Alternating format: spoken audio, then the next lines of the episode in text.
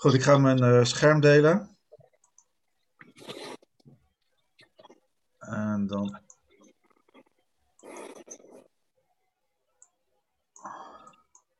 Zien jullie, als het goed is, nu ja, de eerste dia?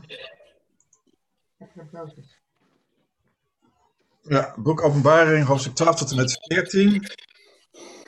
Oordeel van het Romeinse Rijk heb ik als ondertitel meegegeven. Uh, deel 6 van deze cursus. Uh, vorige keer hebben we meer een officieuze bijeenkomst gehad om, vanwege uh, Johan was er toen niet en maar een paar deelnemers en nu zijn we ook met wijden, maar ik ga nu gewoon toch mijn verhaal doen. Ik ga het nu ook opnemen.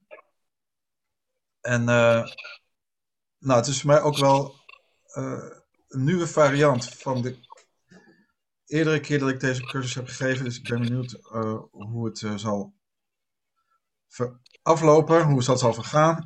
En ik hoop jullie mee te nemen in een ja, toch wel bijzondere uh, ja, uitleggen. Verschillende uitleggen die we tegen gaan komen. En uh, nou, zo even had ik het dus over op de profetie in de Tenach over hemelvaart. En die is best wel cruciaal. Ik heb natuurlijk in eerdere cursusavonden al vaker naar die tekst gewezen. Als zijnde ook waar Jezus naar verwijst in de Matthäus-evangelie. In een uitleg naar zijn discipelen over het einde der tijden. Maar ook naar Caiaphas dat hij hem nog zou zien komen op de wolken des hemels. Het komen in oordeel. En het komen in oordeel, het, het, komen, het, zien van de zoon des mensen en het feit dat hij dan koning is, die combinatie van teksten uh, hoort bij Daniel 7, vers 13 en 14. En zoals gezegd is dat een onderdeel van het visioen van de vier dieren. En ik ga het toch even herhalen, omdat dat een cruciale uitleg is voor de inleiding van hoofdstuk 12. En, en, in het boek staat, ik keek, Daniel zegt, ik keek toe in de, in de nachtvisioenen en zie, er kwam met de wolken van de hemel iemand als een mensenzoon. Hij kwam tot de oude van dagen en men deed hem voor zijn aangezicht naderbij komen. Hem werd gegeven heerschappij, heer en koningschap. En alle volken, natieën en talen moesten hem vereren. Zijn heerschappij is een eeuwige heerschappij die hem niet ontnomen zal worden. En zijn koningschap zal niet te gronden gaan. Nou, en vervolgens staat er dat Daniel tot in het diepst van zijn geest geraakt was. En de visioenen die voor zijn ogen kwamen waren verschrikkelijk voor hem. Want uh, wat ik dus beweer is dat uh, boek Openbaring voor een groot deel dat als het middelpunt heeft. Want we praten dan over 40 jaar na dato dat Jezus naar deze tekst verwees in Matthäus. En zijn profetie uitkwam, maar wel impliceerde dat die tempel verwoest zou worden als het bewijs dat hij het koningschap aanvaard had. Nou, en dat is misschien voor ons moeilijk voor te stellen, die twee dingen. Het komen oordeel en het bevestiging van dat hij net aan de rechterhand God zit, doordat zijn profetie uitkomt, doordat die tempel verwoest werd. Te meer daar die tempel ook een, niet meer dan een voorafschaduwing is van de werkelijkheid die in de hemel is.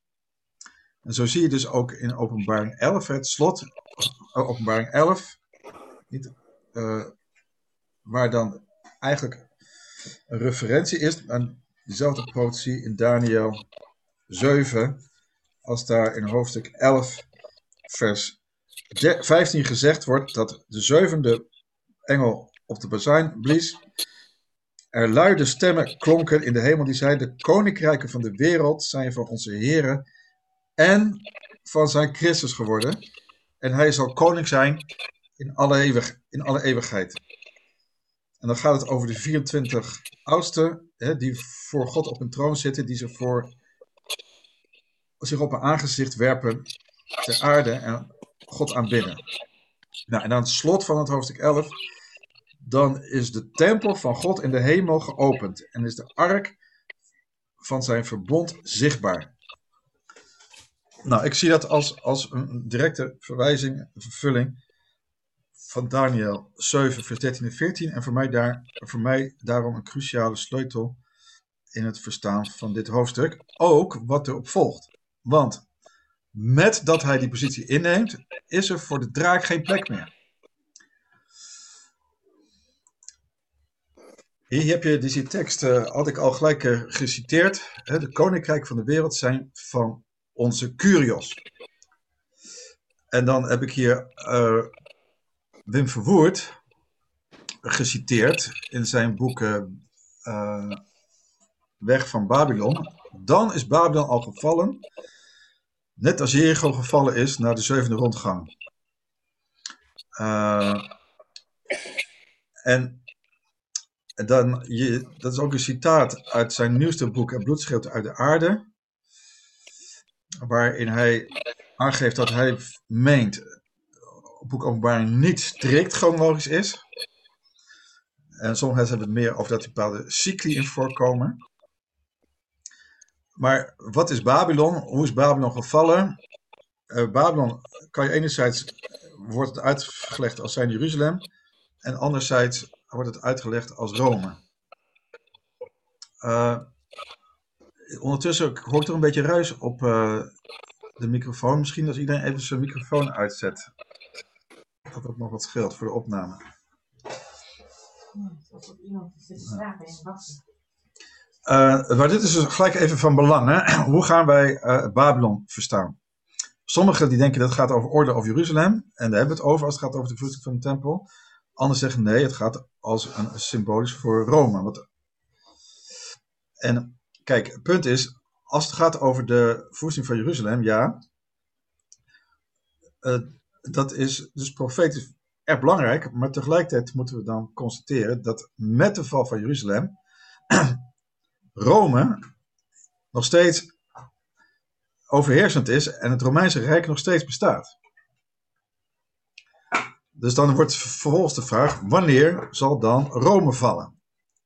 En ik meen dat daar uh, de hoofdstukken 13 tot en met 19 over gaan.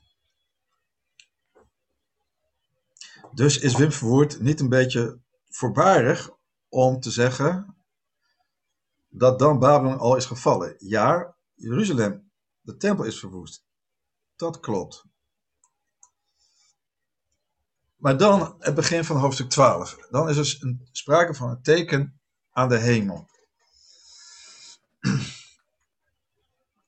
En lezen we over de uitwerping uit de hemel van Satan. En daar heb ik dan bij gezegd, is dat verleden of toekomstig? Want we zien hier vervolgens dat hier verstoten Satan zijn woede gaat keren tegen de rest van het zaad van de vrouw. En met als commentaar vergelijkt de reactie van Herodes op de vraag aan de wijze uit het oosten. Als hij lucht, uh, lucht krijgt van hun zoeken naar de koning, een concurrent, gaat hij, wil hij dat voorkomen en moordt hij alle kinderen van twee jongen uit. Nou, en waarom dan de beschrijving van de uitwerking van uit de hemel van Satan hier in dit hoofdstuk? waar net daarvoor sprake is dat het koningschap aanvaard is. Nou, met dat het koningschap aanvaard wordt, is er dus geen plek meer voor de Satan om God aan te klagen. Jezus dan regeert en zit aan de rechterhand God. Daar is geen plek meer voor hem. Hij wordt vervolgens dus uit de hemel verstoten. Ja, en wat doet hij dan? Net als Herodes probeert hij de, het zaad van de vrouw te achtervolgen. En dan kom je terug bij wie is dan die vrouw? die daar beschreven wordt in vers 1. Hè, dat grote teken in de hemel, een vrouw bekleed met de zon en de maan, die onder haar voeten is, en op haar hoofd een kroon van twaalf sterren. En ik heb er ook al bij staan, wist je dat het evangelie in de sterren staat geschreven? Een teken aan de hemel. Ik heb hier een screenshot van hoe men dat denkt. En ik weet niet of je er ooit echt in verdiept hebt. maar de beelden van wat wij als de dierenriem kennen, die komen niet helemaal uit de lucht uh, gegrepen. Uh, dat is een aparte studie, ik heb me ooit eens in verdiept. Uh, dat is een vol speculatie, moet ik toegeven. maar de combinatie van Virgo, Jupiter en Mercurius is wel een aparte.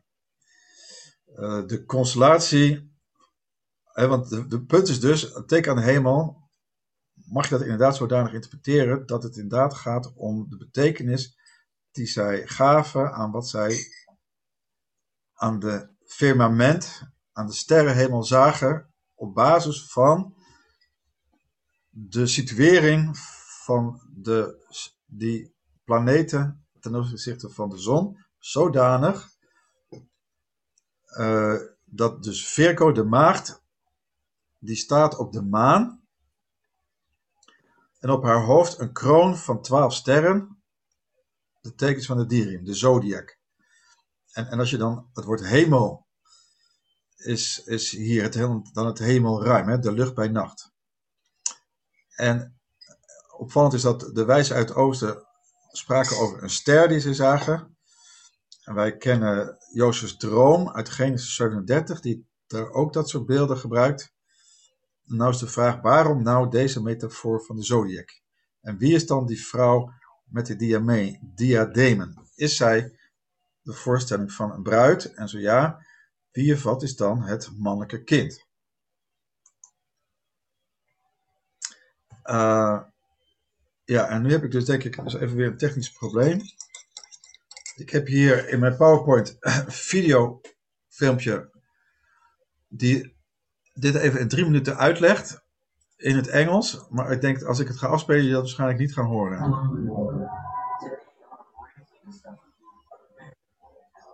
Hoor, hoorden jullie dat? Nee, hè? Nee, dus de enige manier om dat te doen is dat ik de of geluidsblokjes erbij moet halen of uh, mijn mobiel uh, moet laten afspelen. En als ik hem afspeel? Op jouw... Nou, mijn... Oh nee, dat kan natuurlijk niet, dan zit in jouw ding. Nou, wat ik wel even kan doen, Ctrl-C. En dan ga ik naar mijn presentatie. Uh, nee, dan ga ik... naar mij dan ga ik annotatie. En dan zet ik de mijne naast jou daar. He? Zo. Uh, moment, moment, moment. Dit gaat allemaal niet worden. Uh, het moet er. Chat. In de chat. Ik kan het linkje delen, kopiëren in de chat. Daar kan je het kopiëren en in ieder geval zelf bekijken.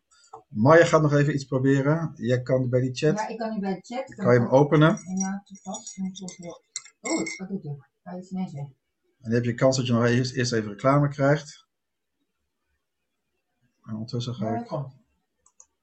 En dan kijken of, of dat wel. Maar dan moet ik wel mijn geluid eraan zetten. Of ja, gaat mijn grond zingen? Nee, dan ga ik hem even uitzetten. Moment. Eerst dat ik, ik wil eerst terug naar mijn share screen. En dan, dan ga ik misschien ondertussen kunnen zij hem wel dan in beeld hebben. En zo, ik ga mijn geluid eerst uitzetten. Nog één moment.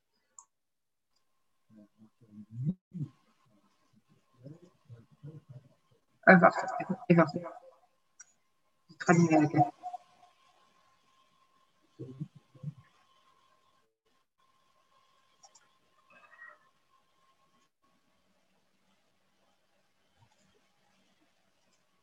Ik, ik, ik ga allemaal.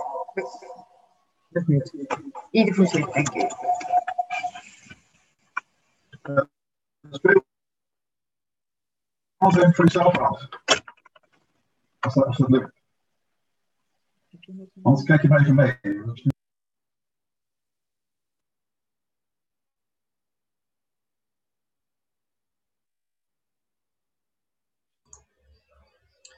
Ik zeg, oh, je hoort dus mij nu net niet. Ik zeg, ik, ik speel me even af, kijk even mee. Probeer even de woorden daar te zien. The last. Het is niet te volgen hoor. Nee. Niet te volgen. Nee, dit werkt niet? Ge- Geef ze gewoon die link, hebben ze, en dan kunnen ze hem later zelf kijken. Oké, nou, dit eh, was dus een beetje bang voor dat het zo niet lukt. Spijt me daarvoor. Maar die probeert, dus, die probeert dus met een animatie dat in beeld te brengen. Staat hij op YouTube? Ja, ja ik heb het linkje naar YouTube gedeeld in de chat van Zoom. Eh, ik heb hier eh, een afbeelding van twee boeken die een hele studie geven over het getuigenis van de sterren, het geheim van de sterren. Als je daar meer in wil verdiepen, dan kan ik die boekjes aanbevelen. Je kunt het ook wel googlen. Eh, maar er, er is natuurlijk een verhouding tussen de leeuw en de maagd en de maan en de zon en de sterren met een sterk symbolische betekenis. En dat kan ik op een andere manier, wordt dat hier verwoord, waarbij eh, ondertussen een achterliggende vraag mee gaat spelen. Voordat ik deze tekst, ik ga nog even terug. Nou.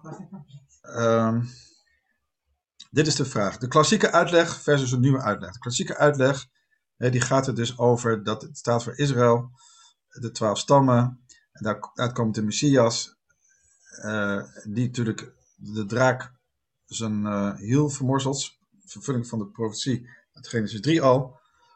De draak die de vrouw, het volk Israël, vervolgt in de woestijn. En die weet ontvlucht. Dus de vrouw wordt beschermd en ontsnapt.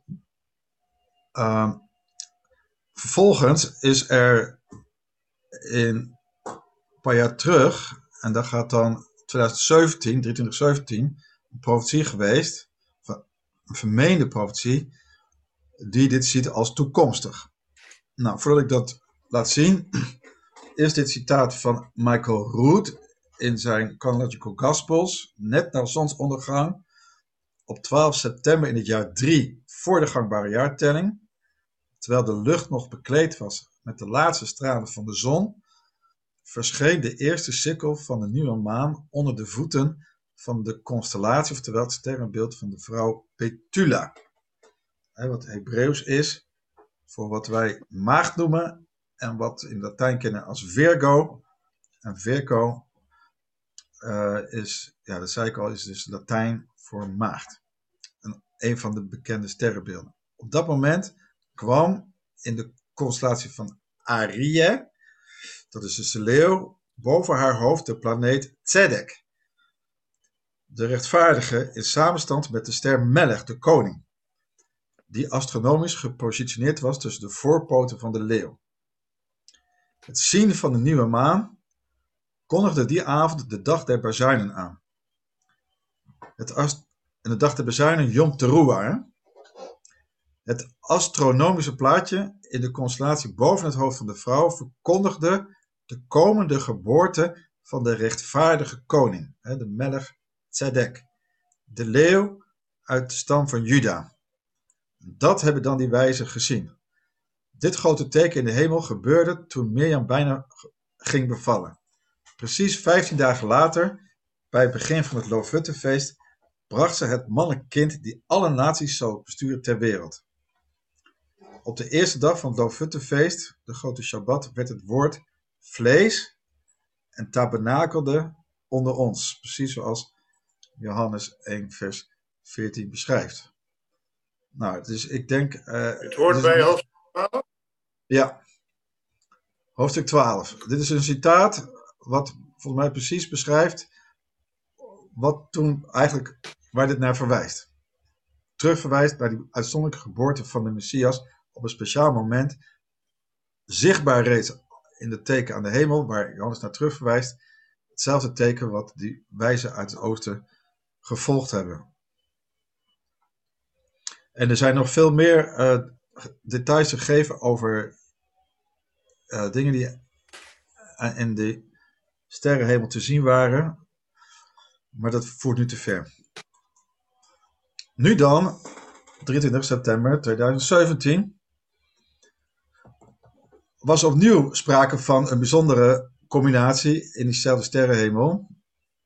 Waarbij eh, die, die bijzondere samenstelling samenviel Opnieuw met een Rosh Hashanah. Op de Joodse kalender. En ik heb het hier nog, ik heb het niet vertaald. Eh, Revelation 12 Sign Prophecy is een apocalyptisch geloof dat een astronomische samenstelling op die dag de vervulling zou zijn van die twee versen uit Openbaring 12. Want die datum die viel dus precies samen met de equinox, hè, de, de evening die gelijk is in de herfst.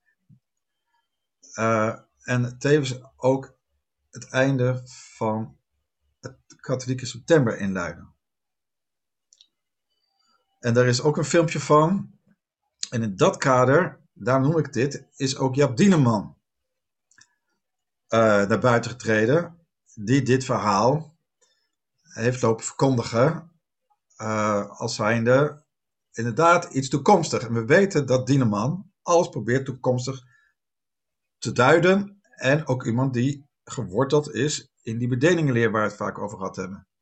Dus dit is weer symptomatisch van mensen die dus een bepaalde verwachting hebben van de toekomst en daar deze tekst bij gebruiken. In combinatie ook nog eens met de Joodse kalender, om te, ons te vertellen wat ons nog te wachten staat. En waarschijnlijk toen al zijn vervulling zou krijgen. Nou, en tegelijkertijd is er toen sprake geweest van die vier bloedmanen, die toen de, onze belangstelling uh, weer te krijgen. En hier hebben we uh, Joel, dit is een verhaal van Joel, Joel Richardson. Joel Richardson uh, is iemand die ook zich met eschatologie bezig heeft gehouden, maar vooral veel aandacht heeft voor de islam in het kader van wie we als antichrist moeten zien. Maar hier heb je een weerlegging van hem, van het, wat hij noemt het valse teken van 23 september. Dit is ook Dus YouTube, hè? Ik Dit is ook een. YouTube filmpje, ja. Kan je dus ook, als je de PowerPoint hebt, kan je dat bekijken. En ik kan, dan kan ik ook nog eventjes, wat gebeurt er nu? Nee, ik heb hier niet het linkje.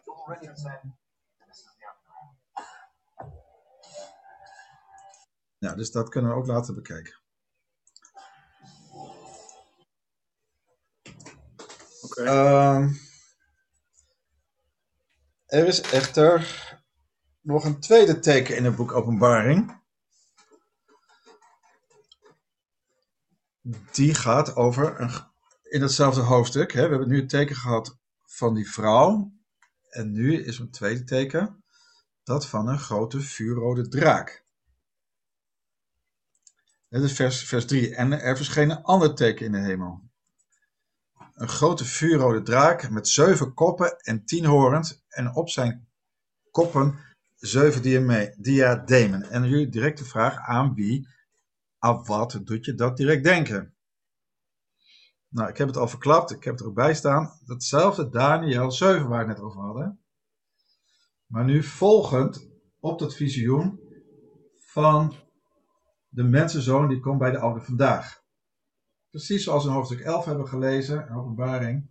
Nu het aansluitende hoofdstuk, beschrijving van het vierde beest, net als in Daniel. Dat valt gewoon parallel. En tussen de haakjes heb je wel eens gehoord van het verschil tussen duivels en demonen. Dat is een onderwerp wat ik ook even laat rusten.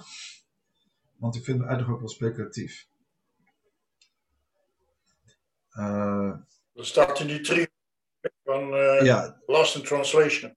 ja, de auteurs eh, John Klein en Adam Spears van de trilogie Lost in Translation, die zeggen dat dus duivels gevallen engelen zijn en demonen het resultaat van de intercourse tussen demonen en de dochters van de mens. Maar het veronderstelt dat je het boek Henoch serieus moet nemen. Waarvan ik denk dat het een verminking is van wat Genesis 6 beschrijft. En zijn eigen leven is gaan leiden tot op de dag van vandaag. En ik heb een blog in de maak die dat probeert te ontzenuwen. Te zaakje dan. Vervolgens lezen we, nogmaals, de beschrijving. Uh, het kind willen doden. Hetgeen doet denken aan de opdracht van koning Herodes. Om alle kinderen in Bethlehem te doden onder twee. Dat hebben we al genoemd. En daar is ook sprake van een derde deel van de sterren. Zij waren eerst sterren, die engelen die met hem meekwamen. Zoals er ook in openbaring 1 vers 20 van sprake is. En nu dus als duivels zijn geworden. Nou, hier heb ik dan die, klasse uit, klassieke uitleg. De vrouw in het zaad en de draak. De vrouw die vanaf Eva al eeuwenlang zwanger is. Vergelijk ook dat opzicht de geslachtsregisters van Matthäus en Lucas. Die dus in die zin ook een extra betekenis hebben dat zij in het verlengde staan van het uitzien naar de Messias. Of je kunt ook zeggen van de vrouw die zwanger is. Van dat mannenkind. En na de hemelvaart van Jezus, daar heb je vervolgt de draak de vrouw. En dat gaan we ook zien hè, in hoofdstuk 13. Hè, dan hebben we ook een beschrijving van het beest die uit de zee komt en vervolgens het beest die uit de aarde komt. Dus met dat Jezus een bevestiging komt van Jezus' autoriteit aan de rechterhand Gods, de tempel verwoest wordt, zijn de rapen gaar. En krijgen we dus eh, de manifestatie van het beest uit de zee en de aarde. Nou, dit vertelt wat ik al eerder aangaf, wat we met Pasen zeggen en wat je met hemelvaart tegen elkaar zou kunnen zeggen. De Heer is waarlijk weggerukt. Evenzo zoals ook de gemeente van Jeruzalem vluchtte naar Pella om te ontsnappen aan de vernietiging van Jeruzalem in eerste plaats en vervolgens aan de grip van Satan om hen te vernietigen. En zij vluchtten naar de plaats die voor hen was voorbereid. Daar konden ze zich verstoppen tijdens de verdrukking die Jeruzalem vanaf deze tijd trof tijdens de 1260 dagen die voorafgingen aan de verwoesting van Jeruzalem en haar tempel.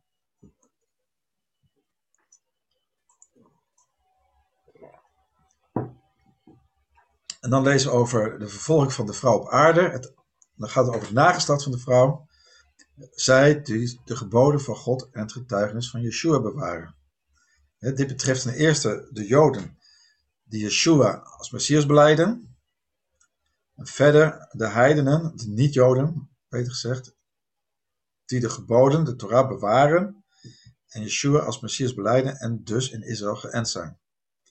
Dit is dus een beschrijving van de bruid op aarde voordat de bruidegom haar haalt. Kenmerk dus van de bruid is dat zij de geboden bewaart en Yeshua als Messias beleidt. Nou, dan is er die alternatieve uitleg. Eh, sowieso, eh, dat, maar dat wordt eigenlijk niemand meer geleerd. Maar vroeger werd die vrouw als Maria gezien. Nou, dat ga je niet meer terug tegenkomen. Maar dan in de alternatieve uitleg is het mannelijke kind, niet Jezus. Want, zeggen zij, kan je wel zeggen dat hij zomaar werd weggerukt vanwege de dreiging van de draak. Als je daar gaat twijfelen, en je zoekt naar andere uitleg, ja, wie wordt er dan wel met dat mannelijk bedoeld? Nou, en dan wordt er gespeculeerd. En dan praat men wel over de geboorte van de ene nieuwe mens. Zo ook op de conferentie waar ik bij was in Nazareth in 2 december 2019. Met als thema Welcoming the King of Glory. Ehm, en waar ik ook een blog over geschreven heb, dan kan je daar allemaal teruglezen. En dan is er dus associatie van de man en kind met de mens. Anderen hebben het over het openbaar worden van de zonen en dochter gods. Nog anderen hebben het over de opname van de gemeente. Of de eerstelingen. En ik heb dan vergelijk openbaar 14, maar daar kom ik later op terug. Nog anderen hebben het over de twee herenigde stokken van Juda en Ephraim. En volgens die profetie van Ezekiel 37. De, de vraag is dus of dat allemaal juist is. Allemaal leuke gedachten, maar is dat wat de auteur in zijn hoofd had? Ik betwijfel dat. De draak die reeds na het is volbracht definitief vanuit de derde naar de tweede hemel werd verstoten. Zie hier, ziet hier dan, volgens deze visie, op hetgeen na de zevende bazuin geschieden zal. En dan krijg je gelijk weer een prachtige punt. Die zevende bazuin, zien wij die nog als toekomstig of heeft die toen al plaatsgevonden? Zodra je gaat zeggen hij is toekomstig, ja, dan wordt het hele verhaal gaat schuiven. En dat is dan mede een reden waarom dan zo gedacht wordt. En dan betekent dat er dus nog uh, de draak vanuit de derde naar de tweede hemel wordt verstoten. En dat, zijn, en dat zal dus zijn neerwerping zijn en die van de engelen op de aarde. Alsof die niet al op de aarde is. Snap je hoe die wegen hier uiteen gaan en met elkaar schuren? De oorlog die wordt beschreven, volgens die uitleg, is niet Satans oorspronkelijke oorlog, maar een toekomstige gebeurtenis waarbij de hemelen zullen schudden en de machten van het kwaad in de hemel zullen worden verslagen. En dan gaat het over een beschrijving van de laatste 3,5 jaar voor het Harmageddon, waarover, lezen, we lezen in openbaring 16 en voor de wederkomst. Opvallend is wel dat er opnieuw sprake is van die 1260 dagen voor de tweede keer evenals in openbaring 11. Maar daar hebben we het een vorige keer over gehad. Dus, uh, nou je kunt zeggen, nou ik zie dat, ik maak dat keer wel mee, ik zie het om me heen, de hemel die schudden en de machten van het kwaad die beproefd worden. De vraag is dan alleen, is dat, gaat, is dat wat hier in het hoofdstuk 12 beschreven wordt? hoofdstuk 12 is in zichzelf al heftig genoeg. Maar ik, ik persoonlijk denk dus niet dat dat een beschrijving is van het schudden van de hemel, zoals je daar in het boek Hebreeën over leest. En dan worden teksten uit andere geschriften hierin geprojecteerd. Um, nou heb ik in het begin bij de eerste introductie al over gesproken dat een van de andere sleutels voor boek Openbaring is het hele idee van de alternatieve grote verzoendag, Yom Kippur. Immers, na de verwoesting van die tempel, heeft er feitelijk nooit geen Yom Kippur meer kunnen plaatsvinden zoals de Torah dat voorschreef. En ik zeg met een reden, want nu is dat verplaatst naar de werkelijke verzoendag die in de hemel plaatsvindt. En is in die zin het boek Openbaring een liturgie daarvan. Dat wat je beschreven van de dienst die, we, in het tabernakel, tempel plaatsvond. En nu nog sporen van terug te vinden zijn in de synagoges. Tijdens de grote verzoendag. Diezelfde elementen vind je ook allemaal terug in het boek Openbaring. Want lezen we opnieuw in hoofdstuk 12, vers 10, nogmaals. Nu zijn de redding, de macht en het koningschap van onze God werkelijkheid geworden en de heerschappij van zijn Messias. Want de aanklager van onze broeders en zusters die een dag en nacht bij onze God aanklaagde, is ten val gebracht. En ik zeg ja, dat is toen gebeurd. En we leven nog steeds in die werkelijkheid en de uitwerking van die werkelijkheid. Die had wel verschrikkelijke gevolgen, want zoals gezegd, de Satan ging tekeer op aarde. En we zijn nog steeds bezig om uit te drijven. En heel veel mensen hebben daar een prijs voor betaald. Met, uh, doordat zij het, uh, hem overwonnen hebben door een getuigenis. Ze hebben hem dankzij het bloed van het lam en dankzij een getuigenis overwonnen.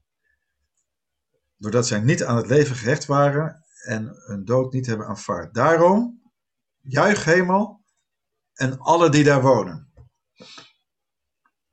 En aan jullie de vraag, uh, kennen wij een opwekkingslied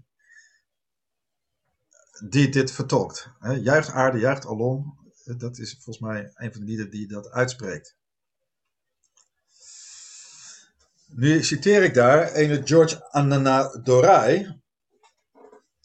Ehm die ik dus toen, ja, dat is een beetje een verhaal apart. Eh, ik heb die man dus ook ontmoet op dezelfde conferentie in Nazareth, waar ik het zo even over had. Eerder al had ik een boek van hem te kop getikt bij Christchurch in Jeruzalem, met de titel The, The Battle for the Throne of God. En ik was daardoor geboeid, gepakt, omdat hij, be, ja, het boek Openbaring, dat is nog een andere sleutel, nadrukkelijk neerzet als een vervulling van de Bijbelse feesten, die van het najaar. Ik heb hem ook in de inleiding al een keer genoemd. Niettemin moet ik zeggen, ondanks die benadering, die ik waardeer en, en ook onderschrijf, vult hij het boek Openbaring helemaal toekomstig in. En ziet hij die tekst, die we net citeerden, als het moment dat gans Israël behouden wordt, berouw heeft van een zonde, om de Messias bij zijn eerste komst verworpen te hebben, maar hem nu toch ontvangen en hem zullen verwelkomen bij zijn tweede komst. die volgens diezelfde George gaat die vers in openbaring 12 over Joden die ontkwamen in de Shoah van 1939 tot 1945 en over de Messiaanse Joden die Yeshua aanvaard hebben als een Messias. Velen in Israël die tijdens de grote verzoendag een verwerping van een Joodse Messias beleiden en hun reiniging en bedekking vinden onder het bloed van het lam. Satans ergste nachtmerrie.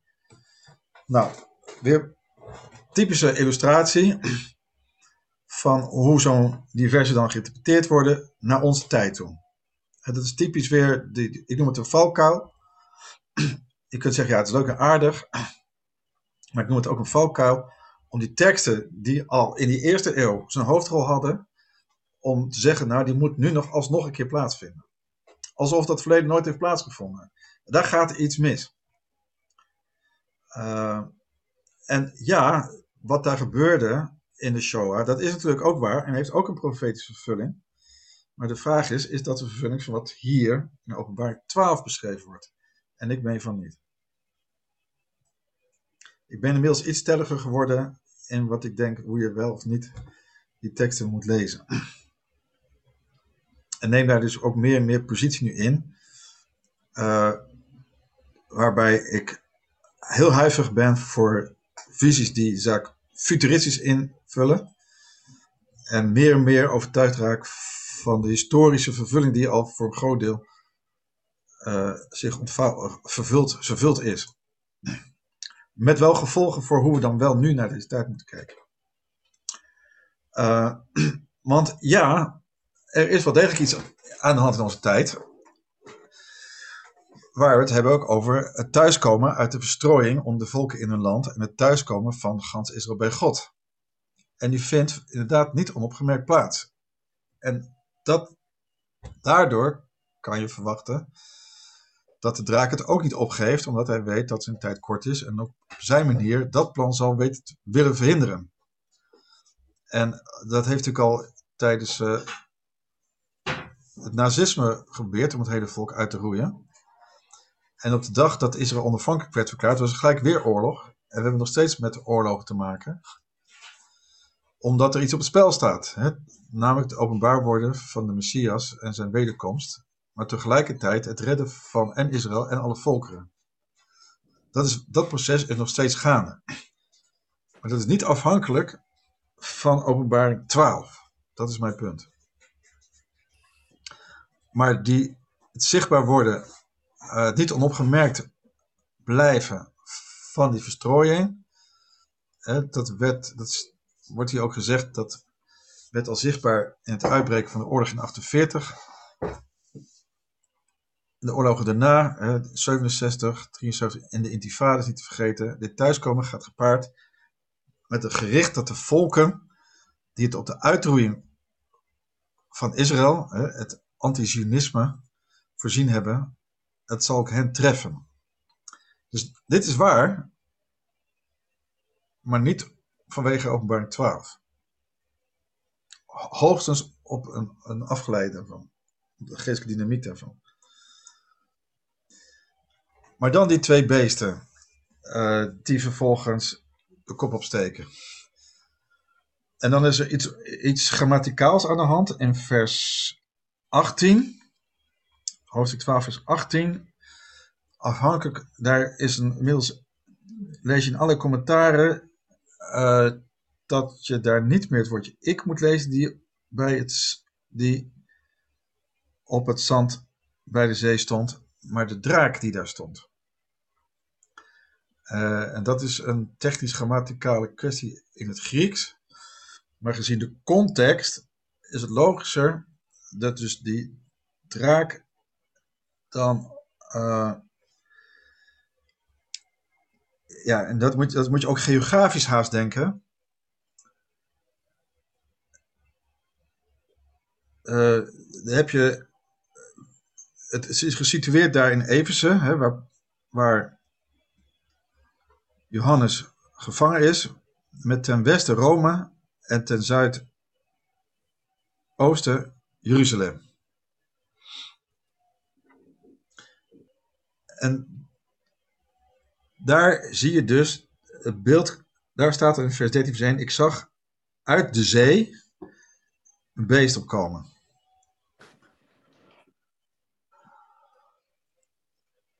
En dus eh, gezien de context is het begrijpen waarom moderne versies de voorkeur geven aan de draak als het vooronderwerp van de zin.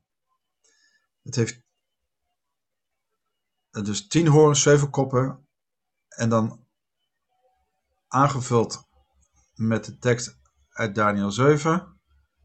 Dan hebben we het dus over een panter met voeten van een beer en een mond van een leeuw en de autoriteit van de draak. En dan is er sprake van één hoorn die dodelijk verwond raakt, 42 maanden lang. En dat heeft sterke overeenkomst met Daniel 7. En de vraag is, is die overeenkomst één op één hetzelfde, of zit er toch nog een subtiel verschil in? Want in het context van Daniel en zijn rijken en dan is dat gesitueerd al in de overgang van het Babylonische naar het Perzische Rijk. Waar daarna nog het Griekse, de Grieken kwamen en vervolgens de Romeinen. Terwijl we hier inmiddels in openbaring te midden van het Romeinse Rijk zijn. En datzelfde beest nu de kop opsteekt. En een van de belangrijke sleutels zal zijn de identificatie van die tien horens en die zeven kop. En ik, uh, ik weet niet of dat al vanavond gaat lukken, of anders volgende week. Ik was zelf wel erg. Uh, ik heb zelf een bijzondere ontknoping daarin ontdekt. Maar eerst de beschrijving van de beest uit de aarde, wat twee horens heeft. Uh, en uh, je ziet daar lamdraak. Uh, dan gaat het over het Hebreeuwse woord tanin. Dat het vermomd is als een wolf. Een jakhals in schaapskleren. Het, lijkt dus op een lam, maar is een vermomming van de draak. Maar het verschil ten aanzien van de eerste beest is dat de tweede is een uitvoerder van het eerste, maar hij en dwingt tot de aanbidding van het eerst. Niettemin weet hij vuur uit de hemel te laten neerdalen, een soort alternatieve Elia, doet misleidende tekenen en richt een afgodsbeeld, een tselem op en brengt dit tot leven. Dat is natuurlijk wel een heftige beschrijving, hè? echt pseudo. Nou is de vraag, uh, standaard reflex zou het moeten worden bij ons. Waar kennen we dat in de Tenach? Waar hebben we dit eerder gelezen? Een beeld van twee beesten. En dan, wat ik tegenkom, verraadt de handicap die wij hebben, dat wij weinig vertrouwd zijn met de deuterocanonieke boeken, zoals de Maccabeeën. Waar die mensen in hun tijd wel erg mee vertrouwd waren en daar ook referentie naar hadden. Dus de contemporaine verwijzing, dus verwijzing uit die tijd, deed direct associaties oproepen met de Joodse mythologie van de, of beelden uit de mythologie, ook in het Jodendom van Leviathan, het vrouwelijke monster uit de zee en Behemoth, het mannelijke monster uit de woestijn. Die volgens de overlevering geschapen zouden zijn op de vijfde dag als voedsel voor de rechtvaardigen. Want uh, je leest ergens in een van de psalmen dat God speelt met Leviathan. Of heeft Johannes bij het gebruik van deze beelden of metaforen mogelijk gedacht aan het boek 2 Maccabeeën, Deuterocanoniek. Als koning Antiochus IV, die van Epiphanes, meent dat Juda in opstand is gekomen, trekt hij woedend als een wild dier tegen Jeruzalem op en neemt hij het gewapende hand in. Zie je dus hetzelfde verschijnsel als wat we inmiddels in, het jaar, in de jaren, in die drie jaar, drieënhalf jaar van de Joodse oorlog zijn tegenkomen. Belegering van Jeruzalem. Als een beest. En in 2 Maccabee 4 wordt een Menelaus, die hoge, die hoge priester was ten tijde van die Antiochus, als volgt beschreven. Die man die in geen enkel opzicht het hoge priesterschap waardig was, maar als een vrede tiran aanvallen en woede had en tekeer kon gaan als een wild dier. En dan gaat het dus over een priesterlijke functie. Iemand die er als een lam uitziet, maar in dienst staat van het eerste beest, in dit geval Antiochus IV. En het is inderdaad waar, die hoogpriesters die kochten ook per opbod, baden, hoe zeg je dat, bieden ze, boden ze tegen elkaar op wie dat ambt kon verkrijgen. En dat werd dan verstrekt vanwege, door die Griekse heersers. En daarmee werden ze tegelijkertijd belastinginnaars. Nou, dit, uh, denk ik, is wel erg sterke hint.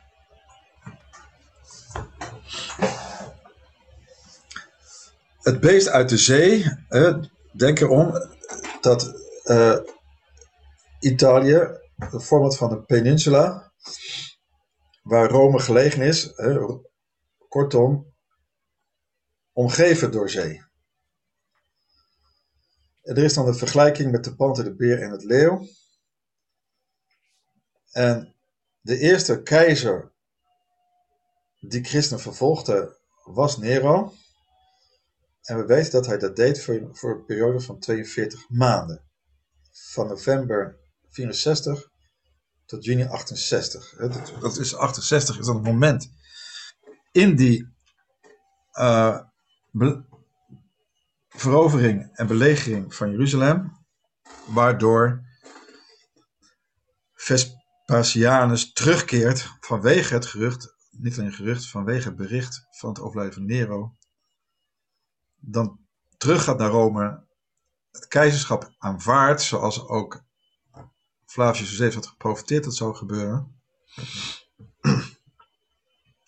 En in die periode dus even nog een moment was van, ons, van relief, van ontspanning in die oorlog, voordat die later weer werd voortgezet.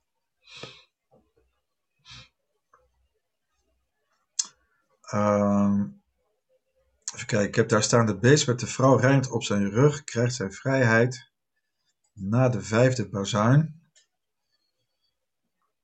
Als Abaddon uit de hemel valt, met de sleutel van de bodemloze put en sprinkhanen of terafim loslaat. Het is maar even terug dat ik dat heb daar neergezet. Maar dit is weer een bepaalde interpretatie die dit hele verhaal wil inpassen in de beschrijving, ik ben uit openbaar 9, die daar parallel zit, parallel zit, ziet met Abaddon, wat uit de hemel valt. En de sleutel van de bodemse put krijgt. Dat is, daar is iemand die daar een parallel ziet. Ik weet niet wat ik daarvan denk. Uh, nogmaals, die, die, die, die, beschrijvingen van die bazuinen in hoofdstuk 8, 9. In mijn, in mijn optiek zijn het allemaal beschrijvingen als opmaat van de Joodse oorlog. En, en ik heb dus de eerder neiging om die tekst daar te plaatsen. Met, met dit verschil dan, dat het beest met de vrouw rijdend op de rug, dat is natuurlijk dat beeld, dat komt pas in openbaring 17 aan bod. Dan zit je toch iets later. En dan een beroem, beroemde tekst uit het hoofdstuk 13 is vers 3. Als net dat beest uit de zee beschreven wordt, dan is er sprake van de dodelijke wond die wordt genezen. En suggereert, wat suggereert dat? Het, dus de keizer die dood is, het Romeinse Rijk wat even op zijn gat ligt, met de dood van een, een, een, een verschrikkelijke psychopaat, laat ik het zo maar noemen. Die dus uh, ook zijn eigen vrouw vermoordde en, erg uh, paranoia was. Een toneelspeler, letterlijk en figuurlijk. met zijn dood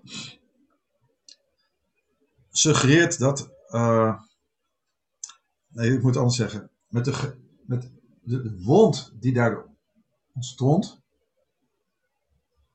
Er is een beschrijving van dat die wond dat die genezen wordt. En het genezen van die wond suggereert dan een opleving van Rome, alsof ze weer Rome come back. En dat deed het ook na de Romeinse burgeroorlogen, die direct volgden op de zelfdoding, was het uiteindelijk, van Nero, die in hetzelfde jaar plaatsvonden. Uh, na die burgeroorlog kwam dus uiteindelijk Vespasianus aan de macht. En daarmee leek dus de wond genezen. En dat was dus nadat eerst Nero zichzelf had gedood met zijn zwaard. En vervolgens burgeroorlogen ontstonden en twee opvolgers ook gedood werden. In een één jaar tijd. Dus in één jaar tijd waren er vier keizers. En dat zal straks nog belangrijk zijn.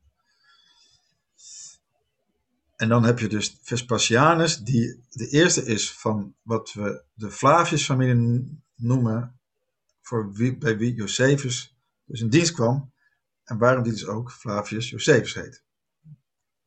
En hij schrijft, nu hij dan overal zijn heerschappij bevestigd had, Vespasianus dus, en de Romeinse staat tegen alle verwachting in weer veilig was, richtte hij zijn aandacht weer op wat hem in Judea nog te doen stond. Een citaat uit de Joodse oorlog. En dus met kennis van toen kan je gewoon het, hele boek Openbaring gewoon inlezen. En er was toen ook sprake uh, van de Nero Redivivus mythe. En dat heeft even uitleg nodig. Uh, waarbij je even een paar dingen moet weten. Vespasianus, die liet zijn zoon het werk dus uitvoeren om Jeruzalem te veroveren. En je moet weten dat Vespasianus nog een zoon had, Domitianus. En die was aanvankelijk in Rome. En zou uiteindelijk zijn opvolger worden. En nou is er dus even dit, de, de, de, de, vraag, hier, hier wordt het even specifieker waar je links of rechts kan kiezen. Want het redivivus duidt op uh, een, een opkomst vanuit het oosten. Van de kant van de, wat wij nu de Persen noemden en ze toen de Parten noemden. Een soort terugkeer van hem, alsof hij niet echt gestorven was, maar terugkwam. En dus het zinnetje beest dat was, niet is en zal zijn. Als Nero dat was, dan was Domitianus het beest terug uit de put. In feite noemden velen Domitianus het beest en verwezen naar hem als Nero terug uit de dood. Want deze keizer Domitianus eiste in zijn tijd aanbidding van zichzelf door middel van een snufje wierook dat in zijn naam werd gebrand en de met de verklaring dat hij God was. Als hij dit deed, zou de aanbidder een briefje ontvangen, genaamd het merkteken van de keizer, dat hem vervolgens in staat zou stellen te kopen en te verkopen. Wil je meer weten over. Nee, ik moet het anders zeggen. Doe een search, doe een. Zoek eens naar die naam Domitianus op Google. En zie ook wat van hem bekend wordt gemaakt in het Rijksmuseum van Oudheden in Leiden. er is ook iemand die een heel boek over hem geschreven, een soort uh, historisch roman. Als je dat leest, dan ga je dit veel beter begrijpen. Want dat is iemand die. Uh, we hebben het vaak over Nero en amper over Domitianus. Maar als Nero al een beest was, Domitianus nog erg.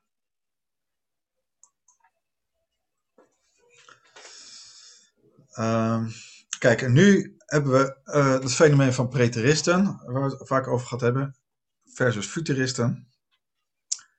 En ik heb inmiddels, begin ik meer differentiatie te zien onder preteristen.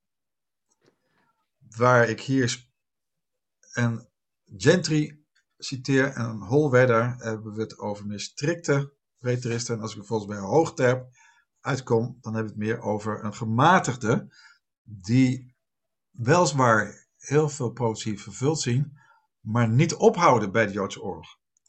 Hoogterp trekt het helemaal door tot en met de val van het Romeinse Rijk. En daar wil ik jullie in het verlengde van hoofdstuk 13, 14, 15, de verlengde van komende hoofdstukken aan voorbeelden van geven. Uh, in ieder geval uh, zijn er uitleggers, en daar is Gentry niet de enige in, die als het gaat over de identificatie van het tweede beest, die uit de aarde, dan gaat het over het woordje aarde in het Grieks, ges, tes ges, dat het niet maar een algemeen begrip is van zoals wij nu over de aarde praten, maar dat het specifiek gaat over het land. Oftewel Israël. Toen Palestina, wat Palestina werd genoemd. En daar hebben ze een kandidaat voor in de persoon van Gessius Florus. De Romeinse procurator over Israël, die de oorzaak werd van de Joodse oorlog. Dus ook op hem zou je een keertje moeten googlen van wat is nou de trigger geweest van de Joodse oorlog? En dat is ook wel echt wel een, iets waar je, als je dan in Caesarea woonde, echt ook ontzet over zou zijn. Die heeft daar uh, de Joden ook echt niet makkelijk gemaakt. Dus dat ze hem ook een beest, in hem een zien, valt te begrijpen. Of het degene is die ook in de auteur zijn hoofd had, dat is nog de vraag. Want er zijn andere kandidaten. Zo is er een Nederlandse predikant theoloog Holwerda, die aan een Pingas denkt, Panias, die door loting als hoge priester werd aangesteld ter vervanging van de in die winter uit de weg geruimde Antipas. Antipas is hoge priester. Wie zich niet als dienstaanhanger liet registreren door een merk op voorhoofd of rechterhand, werd uitgesloten van de distributie van het steeds krapper wordende voedsel in de belegerde stad. Een citaat weer uit de Joodse oorlog. Hoogterp, die ziet uh, de hele cultus van de keizer als de valse profeet. En dan denkt hij aan die Domitianus en zijn uh, laten vereren van hemzelf als keizer. En dan is die cultus, hè, dus het, bij cultus moet je aan priesters denken, priesters die in dienst zijn van de keizer, die die uh, cultus hebben gepraktiseerd, uitgevoerd en hebben opgelegd. Dus hier zie je al wat nuanceverschillen over mogelijke interpretaties kandidaten van de tweede beest in die tijd. Helemaal in onze tijd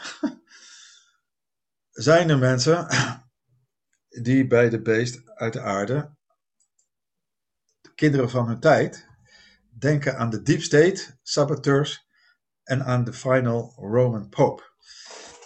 En dan moet je denken aan een Thomas Horn met zijn website Skywatch TV. En als je een kijkje zou nemen op die website, ja, alleen al door de beelden, ook van de boeken die ze uitgeven, denk je van wat bezielt die mensen? Die hebben wel een hele zwarte kijk op de toekomst. Uh, en die zien overal het werk van, uh, van de Satan. En, en zijn dus ook helemaal uh, hebben een boek over de deep state. Dat, dat dat nu ten tijde Trump in één keer een term werd. Is echt iets van onze tijd. Maar die zien dus in onze tijd een vervulling hiervan. Ja, ik zeg niet dat wat zij zien niet zijn werkelijkheid heeft. Maar de vraag is of dat een uitleg is van dit, dit hoofdstuk wat al in de eerste eeuw geschreven werd. Ik denk van niet. Dan is er nog iemand anders die van zich laat horen, die ook wel opmerkelijke kijk heeft op het een en ander. Dat is een Wahid Shubat. En Wahid Shubat, ik weet niet wie het al van gehoord heeft, is dus een uh, Palestijnse christen. Met een katholieke achtergrond. Die anders dan de populaire uitleggingen van het boek Openbaring, denk aan Hol Lindsey, Dave Hunt, die het allemaal hadden over het, de tien staten van Europa. Dus anders gezegd, de profetieën bekeken uit westerse bril. Zegt Wahid, nee, ik kijk hem vanuit de bril van het Midden-Oosten. En zie dus uiteindelijk ook in de beschrijving vooral een verwijzing naar, kijk als je het overzicht ziet, daar herken je dat beeld van Daniel 2 in.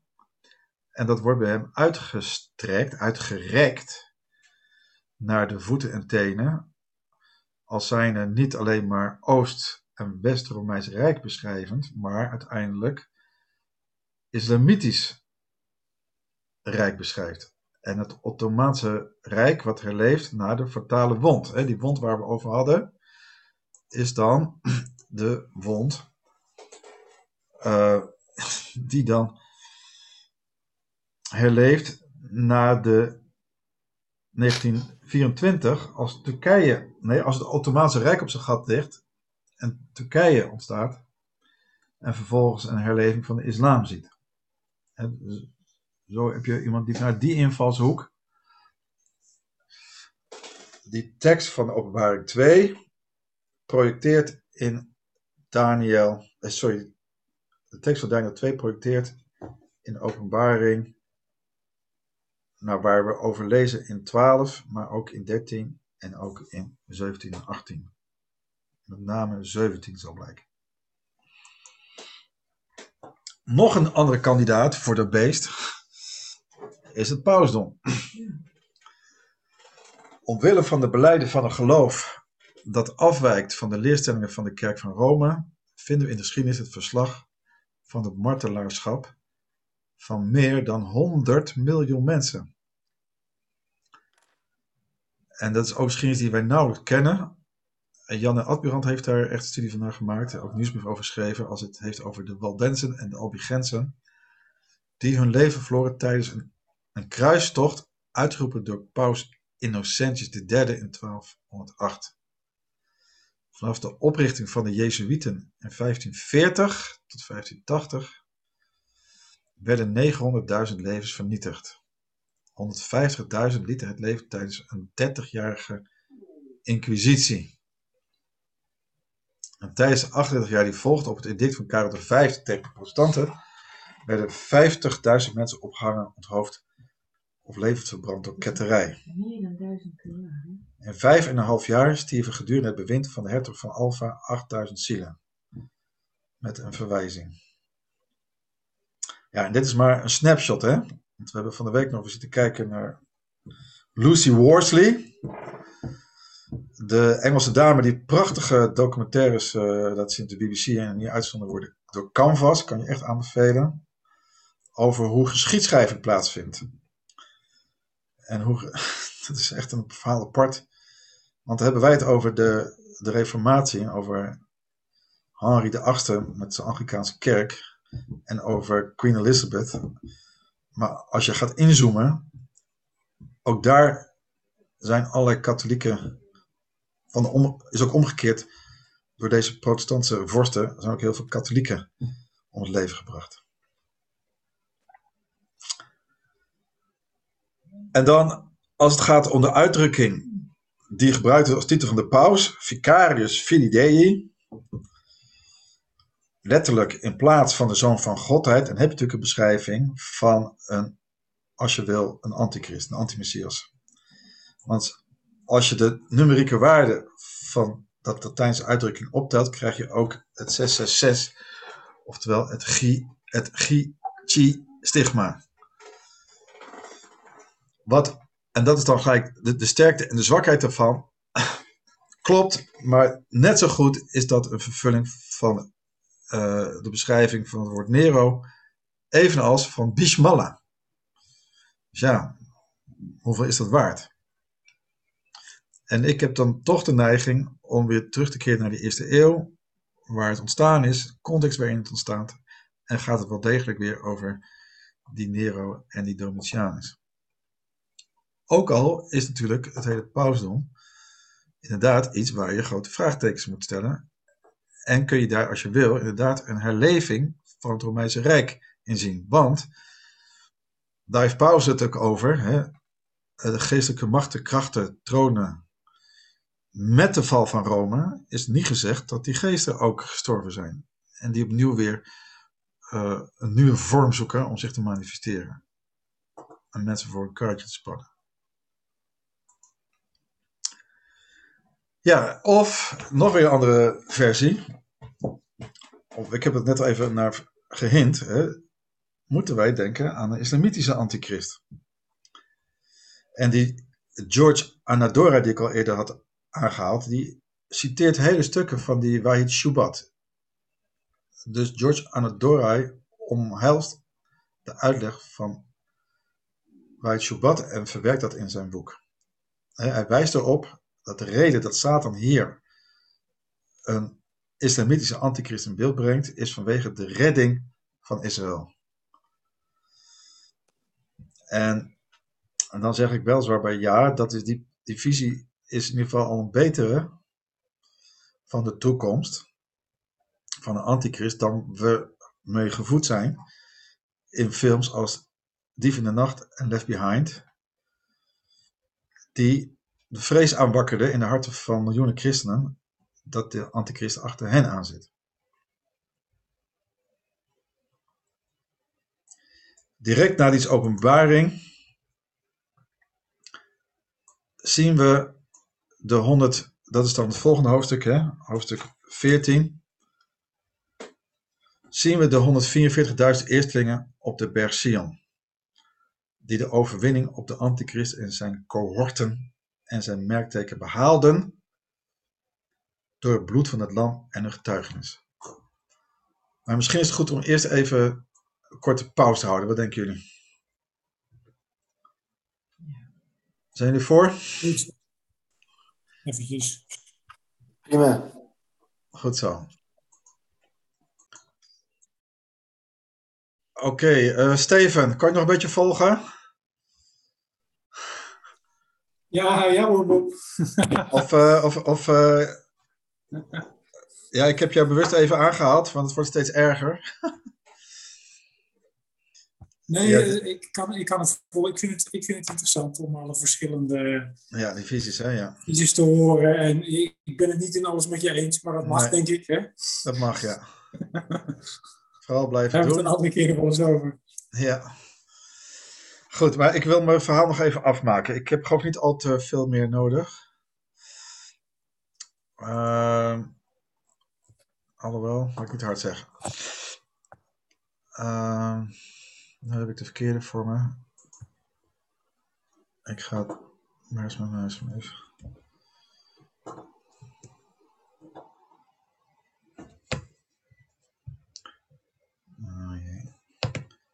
Ja, ik ga mijn eh, scherm weer delen.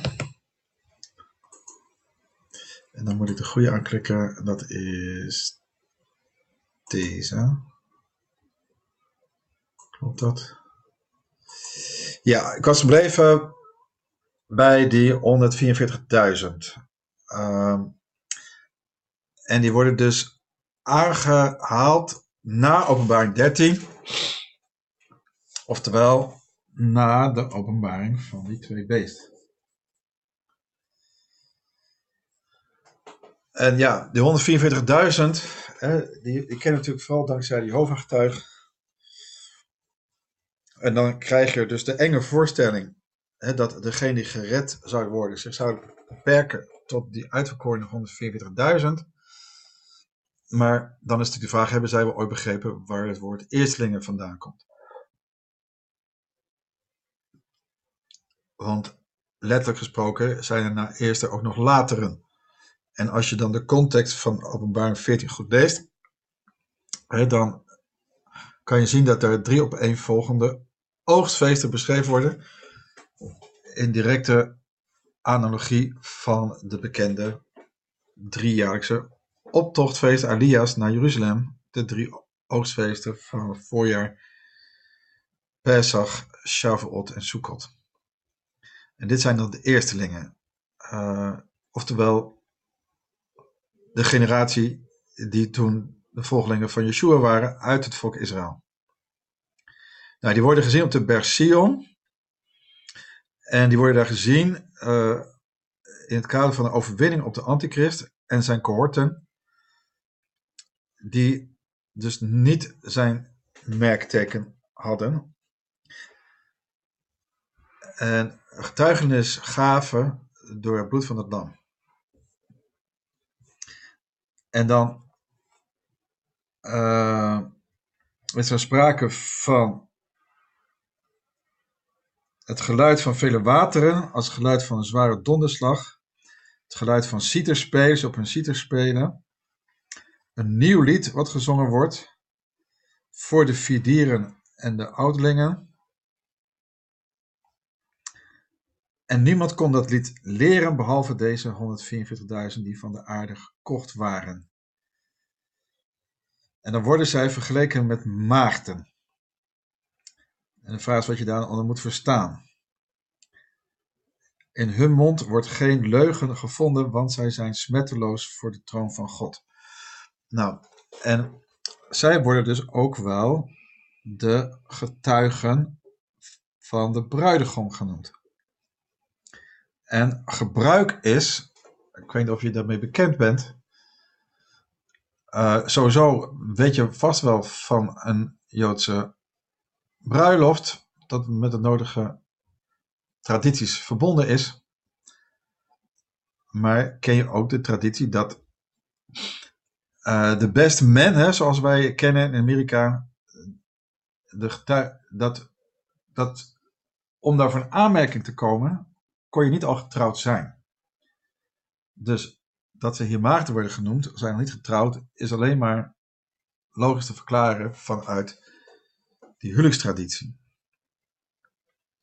Zij, zij worden genoemd de vrienden van de bruid. Um, even kijken, waar heb ik deze dia daar staan?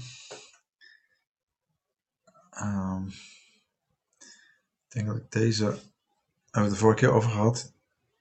Ik denk deze even overslaan. Even kijken, nou een stukje herhaling. Ik heb het al, ik denk, ja. Ik ben eigenlijk al een beetje vooruitgeschoven met die 144.000. Want we waren eigenlijk nog bezig met openbaar 13, maar nog niet helemaal mee klaar. Want, um, juist, we hebben het er vorige keer al even over gehad. Uh, openbaring 13, vers 5. Daar heb je opnieuw een tijdsaanduiding van 42 maanden. En daar worden natuurlijk allerlei betekenissen aan gehecht. En hebben we het de vorige keer over gehad. En hier heb je opnieuw weer een uitleg van een genezing van een wond. En waar het ene het heeft over een genezing van het Romeinse keizer die terugkomt. En een ander het over de, de islam die weer opleving krijgt. Zo zijn er ook die het hebben over pausdom. Wat ten tijde van Napoleon hè, werd de paus gevangen genomen. In ballingschap gestuurd ook, voordat Napoleon zelf dat overkwam. In ieder geval heeft hij een einde gemaakt aan de 1260 jaar durende heerschappij van het pausdom. Als je veronderstelt dat dat begon in 538, toen de bisschop net zo, of misschien wel de belangrijkste man werd in het Westen. Uh, en dan wordt gesproken vervolgens over als de dode gewond. En dan zien we 1870 uh, dat de Italiaanse regering neemt, bezit neemt van Rome. Hè, het Vaticaan eigenlijk uh, apart komt te staan. Maar dan in 1929 uh, weer op, een opleving heeft onder de eerste minister van Mussolini. Dus ook daar vind je vertegenwoordigers van, onder met name ook Adventisten, die deze uitleg uh, hanteren. Nou, het is interessant omdat je dan een stuk geschiedenis leert waar je misschien niet zo mee vertrouwd bent. Ik denk dat het nuttig is om te weten. Uh, maar goed, dan denk ik dat je een andere cursus moeten hebben over hoe we die geschiedenis moeten interpreteren. Met zijn ups en downs. En dan, uh, dit is nog even die Nero nog een keer, het Nero Caesar. En hier vind je een oude Hebreeuwse spelling. En als je daar de getalswaarde van optelt, dan kom je net ook bij die 666 uit. En hier heb ik nog wel een andere relevante vraag. Daar heb ik de vorige keer kort over gehad. En ik ga hem toch even aan Ben jou vragen. Uh, jij, jij bent bekend met Daniel 7. Je bent bekend met het vierde rijk van Daniel. Maar als ik jou zou vragen, hoe eindigt nou dat vierde rijk? Heb je daar een beeld bij überhaupt? Of zeg nou, dat weet ik eigenlijk niet. Ja, in, uh, in Daniel? Ja. Hoe het daar eindigt. Ja, nou ik heb hem hier staan. Maar de vraag is oh, even... Ja, ja de, de, een, een steen die... Uh, dat ja, is twee, dat is hoofdstuk 2. Ja, dat is hoofdstuk 2. Maar goed, ja, de, de, daar, wordt duidelijk, uh, daar wordt in ieder geval duidelijk beschreven ja. hoe uh, uh, de, de wereldrijken ten einde komen. Ja, nou dat is een belangrijk beeld. Hè? Dat is ook als je, hebt, als je hoop wil hebben voor de toekomst. Hè? Dus de steen die alle koninkrijken overwint. In tijd en geschiedenis zeg ik erbij. Dus zoek je Gods hand in geschiedenis, zie wat hij doet en hoe hij rijk na rijk overwint. Maar Daniel 7 is een recap. He, twee is Babylon en nu zitten we bij de Perzen. Het vierde rijk wat hij beschrijft, het Romeinse Rijk. Hoe eindigt dat volgens Daniel?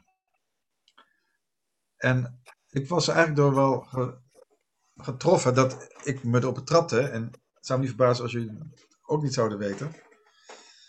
Wat er feitelijk staat. Lees maar mee. Maar het koningschap en de heerschappij en de grootheid van de koninkrijken onder heel de hemel zullen gegeven worden aan het volk van de heiligen van de Allerhoogste. Zijn koninkrijk zal een eeuwig koninkrijk zijn en alles wat heerschappij heeft, zal hem eren en gehoorzamen. Nou is het te vragen hoe je dat uh, verstaat en vertolkt. In het kader van de beschrijving van dat beest met die vier rijk. Zeker ook als je nog verder leest in Daniel 8, wat gaat over de geit en het ram. Dan gaat het over de Perzen en de Grieken die met elkaar in de clinch raken.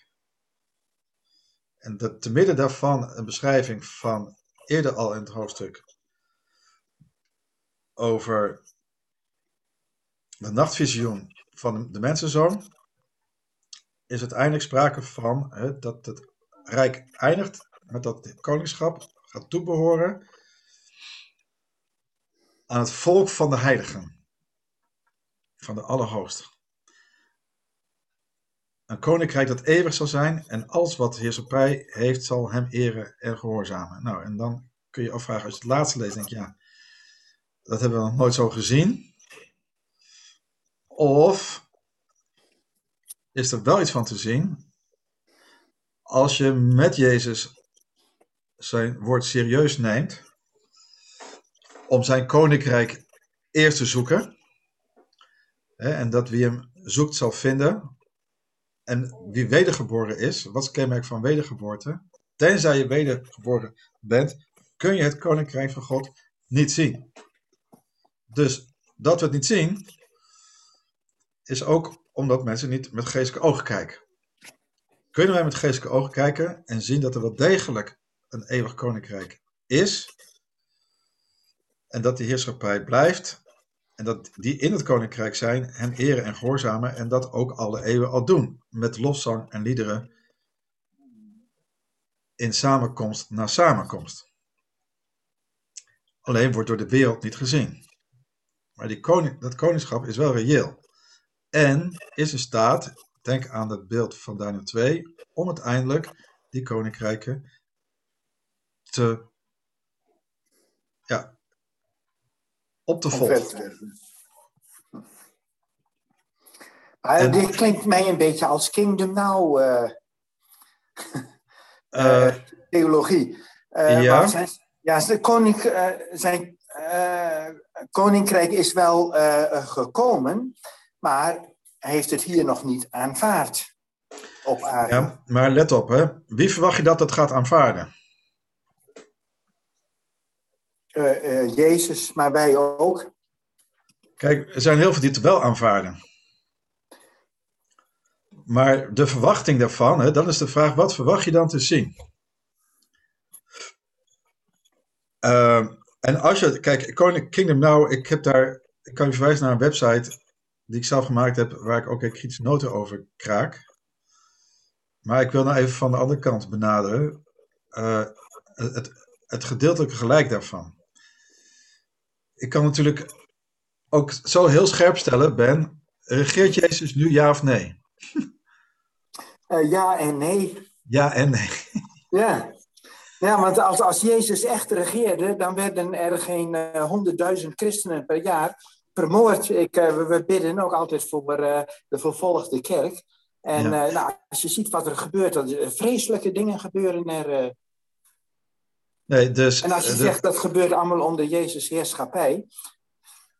ja, maar als je het omdraait, Jezus regeert helemaal niet. Nee, eh, dat is ook weer niet waar. ik, daarom zeg ik ook ja en nee. Nee, het mogen duidelijk zijn dat de, het vrederijk, zoals, daar, zoals Jezaja 11 dat beschrijft, eh, hebben we nog nooit zo meegemaakt. Bob, moet je niet vers 26 erbij halen? Ja, dat is wat Daar staat dat dan ook eerst eh, eh, de Satan zal verdelgd en volledig vernietigd worden voordat dit plaatsvindt. En die tijd is er nog niet.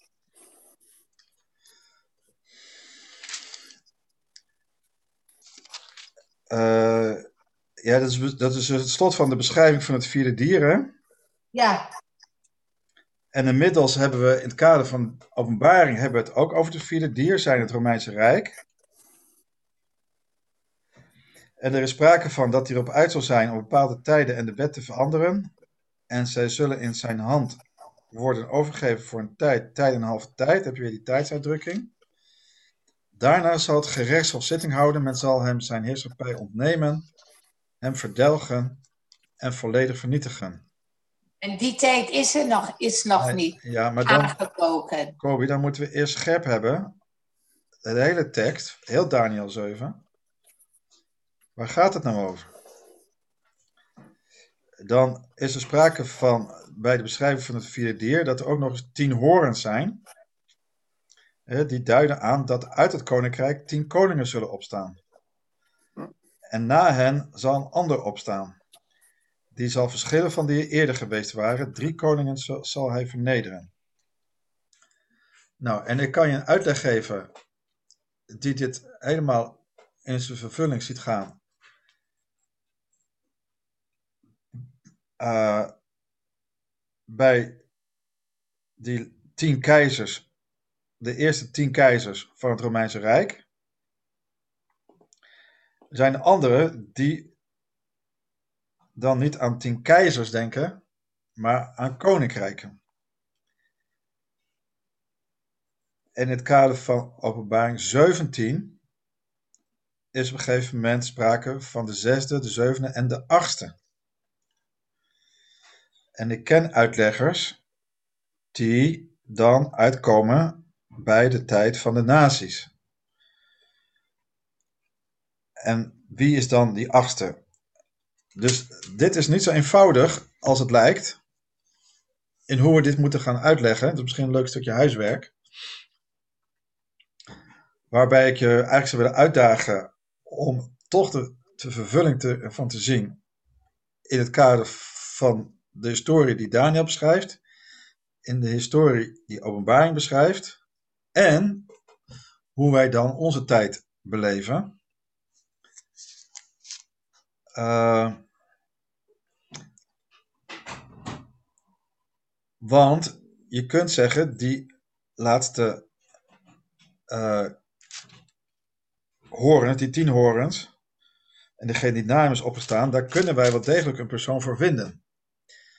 En dan is er inderdaad, heeft zich een rechtszitting plaatsgevonden, en is zijn heerschappij ontnomen, is die verdelgd, en vervolgens is er een ander koningschap en heerschappij gekomen.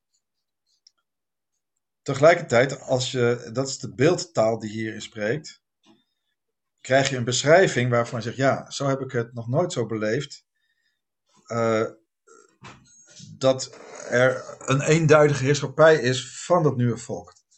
Want dat kunnen we niet tellen dat we het ooit gezien hebben. Maar dan vers 28, hier is het einde van deze woorden. Wat mij, Daniel, betreft, mijn gedachten verschrikten mij zeer en mijn gelaatskleur veranderde. Deze woorden bewaarde ik echt in mijn hart. En dan lezen we aan het eind van Daniel 12, hè, dat hij krijgt nog meer openbaringen. Dat dingen verzegeld worden voor een tijd die niet over zijn tijd gaat, maar naar later verwijst. Hè. Daar hebben dus degenen die toekomstig denken een punt. Dat je zegt van ja, het verwijst ook voorbij Daniels tijd heen. Hè, Daniel 12, de laatste paragraaf, heet dan ook, heet niet voor niks het einde van de dingen. Uh, en in vers 7 heb je nog een keertje dat sprake is van die tijd, vastgestelde tijd en een helft. Wanneer hij een einde aan gemaakt zou hebben om de macht van het heilige volk stuk te slaan. Daar is een beschrijving van hoe het heilige volk stuk geslagen wordt. Uh, en misschien moet ik maar even nog van een eindoordeel of van überhaupt eh, een strafoordeel hier onthouden. En dat gewoon even laten we wat het nu is en erop terugkomen als we bij hoofdstuk 17 18 komen. Ik neem jouw vraag mee en dat zal even nog opnieuw doordenken. Maar nu even terug naar de 144.000. Die eerstelingen, hè, dat gaat dus over de eerste generatie die leefde tijdens de tijd van de apostelen. Ook met toen een oproep tot bekering. Want hij riep met luide stem, vreest God en geeft hem eer, want het uur van zijn oordeel is gekomen. Aanbid hem die de hemel, de aarde, de zee en de waterbronnen gemaakt heeft. Dus dat is openbaring 14 hè. En een andere engel, een tweede, volgde hem. Want daar was ik eigenlijk gebleven.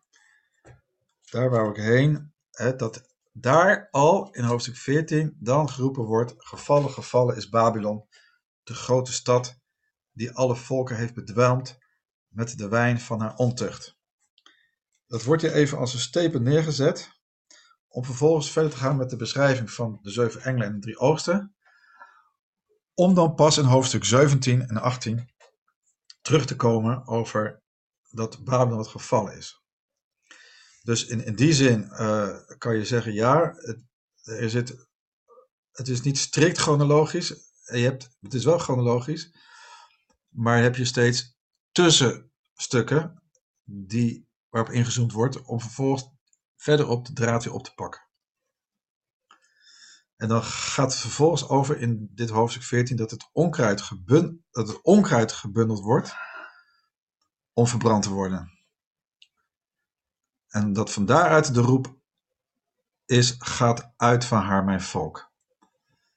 Het dus het gaat dus niet over een opname, alhoewel, dat is nog de vraag, gaan we zien. Maar hier is eerder het omgekeerde beeld, hè, dat het onkruid verzameld wordt om geoordeeld te worden. En vervolgens om daar geen deel aan te hebben, want dat is kenmerk van de eerstelingen. Zij waren niet bij Babylon, Babylon is gevallen, ze hebben er geen deel aan. En mocht je nog. En zorg dat je er geen deel aan krijgt door te ontvluchten. Dus de uitwerking vindt dan pas in hoofdstuk 18 plaats. Nou, en dan kan ik natuurlijk niet nalaten om het boek van Verwoerd aan te halen, wat die titel, die tekst tot titel heeft gemaakt. Met als ondertitel Laat Jeruzalem in uw hart opkomen. En nou is natuurlijk de vraag, ja, wat moet je van zijn uitleg denken? Waarvan wij weten dat hij opgegroeid is in de Alblasse Waard, waar sowieso een sterke anti-katholieke stemming is. En is in hoeverre ook, kan je over hem niet zeggen dat hij ook een kind is van zijn tijd. En het dus focust op de paus als plaatsvervanger, de antichrist, die ex cathedra spreekt vanuit zijn heilige zetel en claimt God te vertegenwoordigen op aarde. Want hij legt uit hoe de gemeente de tempel is. Die tempel die in openbaring 11 beschreven wordt. En die paus die zich in feite voordoet als God, zonde vergeeft, bedrieglijk, wonderen claimt, aan afgoderij doet, door anderen het kussen van reliquieën, aan hocus pocus doet, wanneer hij als priester hoc est corpus mem uitspreekt over brood en wijn, zodat dit verandert in het lichaam van Christus. Dus, wil je een beeld schetsen van pausdom als zijnde anti in plaats van Christus, dan is dat niet zo moeilijk. Dan kan je dat helemaal goed doen.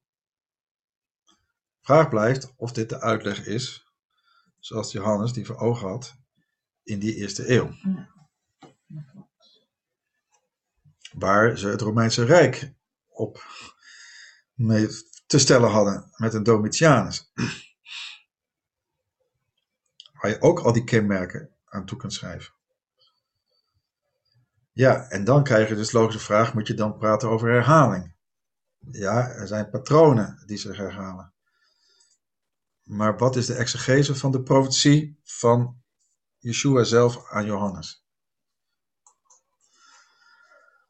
Nou, een andere leuke exercitie überhaupt is uh, Openbaring 14 is zodanig te lezen met deze vraag in je gedachten hoeveel engelen er nu in het hoofdstuk genoemd wordt. En dan heb ik hier de herziene staatvertaling en die heeft tussen 5 en 6 als kopje drie engelen kondigen het oordeel aan. Waardoor je, als je niet verder zou lezen, het antwoord op die vraag zou zeggen, nou het zijn er drie. Nee, uh, die kopjes zijn later, je moet het hele hoofdstuk lezen en dan zal je lezen dat het er om zeven gaat, of in ieder geval zeven bedoeld worden, waarvan de middelste een aparte beschrijving heeft. Uh, even kijken, welk vers is dat? Uh, ja, vers 14. En ik zag, en dat is na de beschrijving van die eerste drie, gaat 14 verder. En ik zag en zie een witte wolk. En op de wolk zat iemand als een mensenzoon. Daar hebben we hem weer, die mensenzoon. Met op zijn hoofd een gouden kroon en in zijn hand een scherpe sikkel een beschrijving van de Messias, een beeld van een kroon is dat hij heerser is, dat hij koning is. Ja, hij zit inmiddels aan de rechterhand van de vader, maar in zijn hand heeft hij een scherpe sikkel en de sikkel staat voor het oogst. En maar dan vers 15 staat er, en een andere engel kwam uit de tempel en riep met zijn luide stem tegen hem die op de wolk zat, die we net beschreven zagen. En dan heb je, als je doortelt, nog twee keer een engel. Dus zes specifieke engelen. En ja, in de context wil eigenlijk ook van, maakt eigenlijk ook dat die iemand als een mensenzoon een boodschapper is. En dus het getal 7 completeert, maar wel de middelste is. En als je dan dit drie oogstfeesten een plek moet geven, dan is het Yeshua, de mensenzoon hier, die dan gekoppeld wordt niet aan de, niet aan de gerstenoogst, maar aan de tarweoogst, oftewel Shavuot. En dat duo John Klein en Adam Spears, die we eerder genoemd hebben van Last of Translation, zien hierin een opname. Die zien hier een, een Yeshua die komt voor zijn bruid tijdens Shavuot. Wat natuurlijk niet voor niks ook symboliek heeft van een bruidsfeest. Alhoewel je dat natuurlijk ook kan zeggen van het Lofuttefeest. Maar op een andere manier. Maar hier zien ze dus die, die sikkel als zijn een oogst. Maar dan wordt dat oogsten gezien als een wegname. En de vraag is of dat terecht is. Belangrijk voor jullie om te weten is als je wel gehoord hebt van het boek Wake Up. Uitgegeven door welke uitgever? Nova Press. En wat moet je dat dan zeggen? Dat zeg ik trouwens goed? Nee, ik volgens mij zeg ik het niet goed. Uh, kom, wat is nou de uit... In ieder geval, de uitgever... Wat zeg je? Zoeklicht. Nog één keer? Zoeklicht, toch? Zoeklicht, ja, ik denk al, ik zeg het fout. Zoeklicht. En toen ik dat voor het eerst zag en de cover zag, denk ik van wow, dit gaat over. Ver... Maar stel ik inderdaad dat het boek Openbaring sleutel daarvoor de najaarsfeesten is. En daar getuigt het boek van, maar uitgeverij Zoeklicht. Als je weet waar Zoeklicht voor staat, dan is dat de uithangbord van de bedelingenleer. Het is belangrijk dat je dat weet. En dus ik dacht van, hé, hey, zijn ze bekeerd? En toen ging ik lezen. En toen zag ik, toen herkende ik eigenlijk, en dat zag ik ook in de voetnoten, dat zij uh, debet zijn aan dat duo John Kleine en Spears met de trilogie, dat dat ten grondslag ligt aan hun boek. Behalve daar waar het gaat over een visie op de opname, daar wijken ze van af. Dus ik heb daar een recensie over geschreven. Dat ik zeg, er zit, het is een prachtig boek, mooie aanzet, maar er zit een diepe weeffout in. En die weeffout is hun opnameleer gekoppeld aan de bedelingenleer. En vervolgens zie je dat ze eigenlijk een vorm van plagiaat hebben gepleegd. En dat als je een beter boek wil lezen, het boek van John Klein en M. Spears, niet één boek, maar drie zelfs moet lezen. Maar inmiddels uh, heb ik daar ook wat uh, bedenkingen bij. Meer bedenkingen dan eerder, maar van alles wat ik toen gelezen had, vond ik dat een van de meest verrassende uh, uitleggingen. Omdat zij recht doen aan het aspect van de feesten en die oogsten in het boek Openbaring 14. Dat vond ik sterk. En vervolgens dan ook bij hoofdstuk 15 komen en ook uitleg geven aan vers 20 van hoofdstuk 14, 19 en 20, over de, die laatste oogst. En ik herinner me ook in mijn inleiding dat toen over, al toen over gehad heb, van ja, is die beschrijving nou positief of negatief? Want hij komt heel negatief over en zo wordt hij ook vaak uitgelegd. En er zit ook een negatieve kant aan, want dan hebben we het over een wijnpersbak die getreden wordt buiten de stad. Waar bloed uit de wijnpersbak kwam tot aan de tomen van de paarden, wel 1600 stadien ver. Dat is natuurlijk een beetje abstracte tekst, maar ik zal je straks een citaat laten lezen die daar een invulling aan geeft in de tweede eeuw. Maar eerst dit punt, uh, vers 19. hè, dus die laatste engel, die zond zijn sikkel op de aarde. Dus na de eerste sikkels is er dus nog een latere sikkel. Dus de hele oogstperiode is niet maar één. Dus als je het hebt over meerdere vervullingen, herhalingen, ja, er is in ieder geval een herhaling van oogst. Oogsten door de tijd heen, oogsten die in het voorjaar plaatsvinden, in het midden van het jaar en aan het eind van het jaar. En hier heet het dan de, de wijnoogst. Hè? Als de druiven van de wijnstok van de aarde geoogst worden. Nou, wat gebeurt er dan met druiven? Die wordt inderdaad in een persbak ge- geworpen. En die wordt inderdaad met de voeten geplet. Zo, met als gevolg, waarom doen ze dat? Nou ja, vanwege de sap. Die wij met z'n allen met vreugde genieten. Dus het is een vreugdevolle resultaat. Het is een oogst. Maar een oogst die wel door een verdrukking heen gaat. En het beeld wordt vervolgens wel degelijk gebruikt voor een periode van oordeel. Die daar beschreven wordt. Want er is sprake van de toorn van God. Maar te midden van die toorn van God vindt er iets plaats. Hè, want de toorn van God, wat beoogt de toorn van God? Dat mensen zich alsnog bekeren. Terugkomen en alsnog gered worden.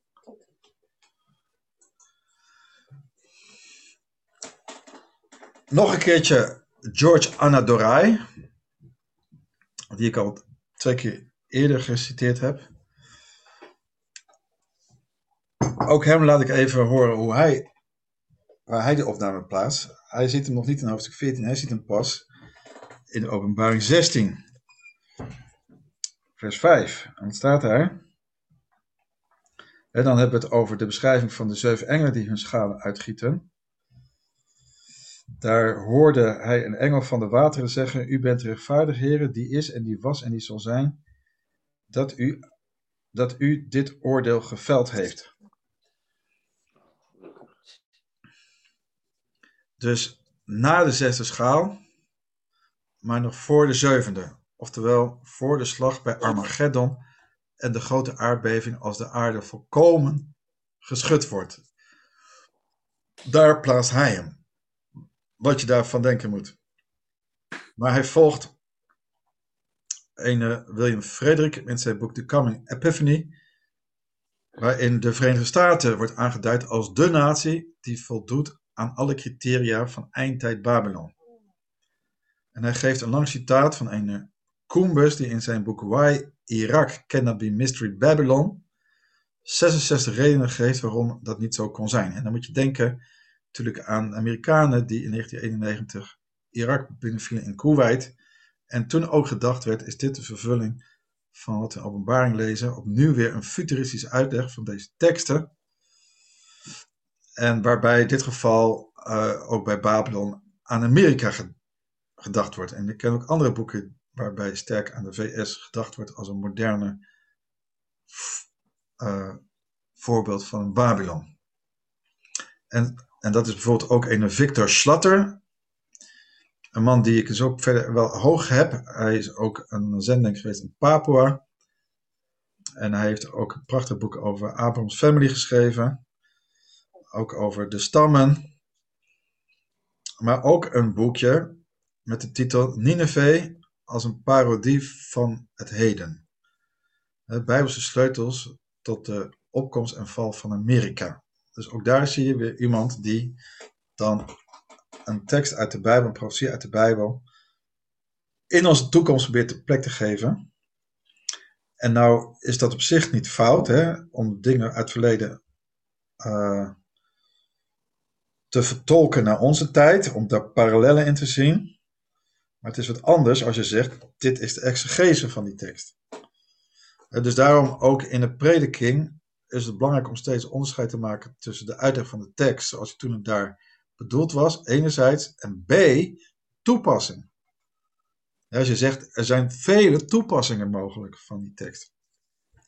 waar dat soort, net zoals Paulus ook verwijst naar de geschiedenis van het volk Israël als een lessen voor hen toen. zo mogen wij ook leren van het verleden, in de hoop dat we niet dezelfde fouten maken. En we echt vrijkomen van Babylon en Nineveh. Nou, die wijnoogst, dan eindig ik daar straks mee. Uh, die 1600 stadien, uh, 200 miles op zijn Engels, heb ik een, een citaat bij iemand gelezen die bijna letterlijk een beschrijving is van wat zich heeft afgespeeld in het jaar 135 tijdens de opstand van Bar Kochba tegen de Romeinen, die, waarbij hij gezien werd als een Messias, daarom ook vanwege, en daarom ook de, titel Bar Kochba kreeg.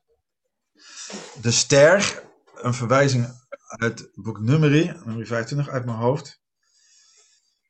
En hij werd als Messias gezien door Akiva, een belangrijke rabbijn uit Jafne. Of zat hij inmiddels in Tiberias, dat kan ook zijn. Maar dat heeft geleid tot zijn val in het plaatsje Betar, eh, niet ver van Jeruzalem.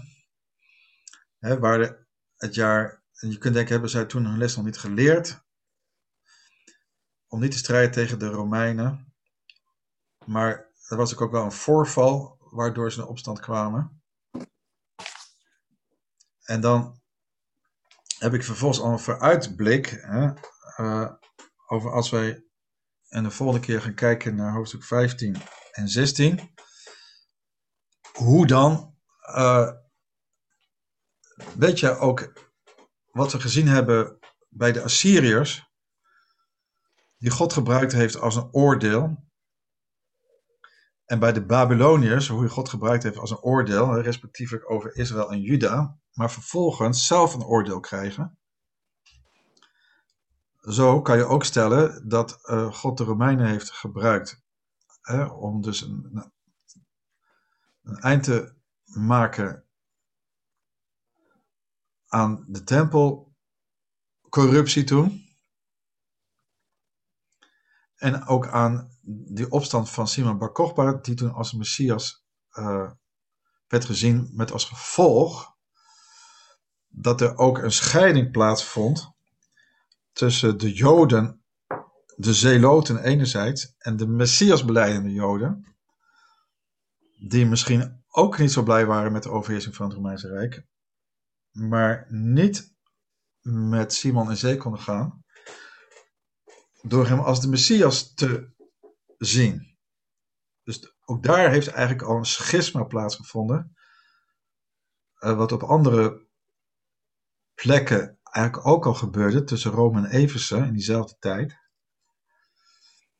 Uh, waardoor we ook nu spreken over de twee wegen die uit elkaar gingen.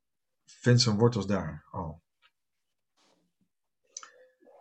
Uh, want voor een Romein, waar je in, het, in, de, in de eerdere eeuw nog en nog voor de Joodse oorlog de Romeinen een uitzonderingspositie hadden.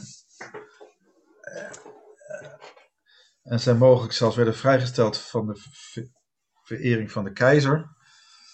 Hebben ze dat toen het kruid verspeeld en, en, en alles wat Joods was, was vijandig aan het Romeinse Rijk.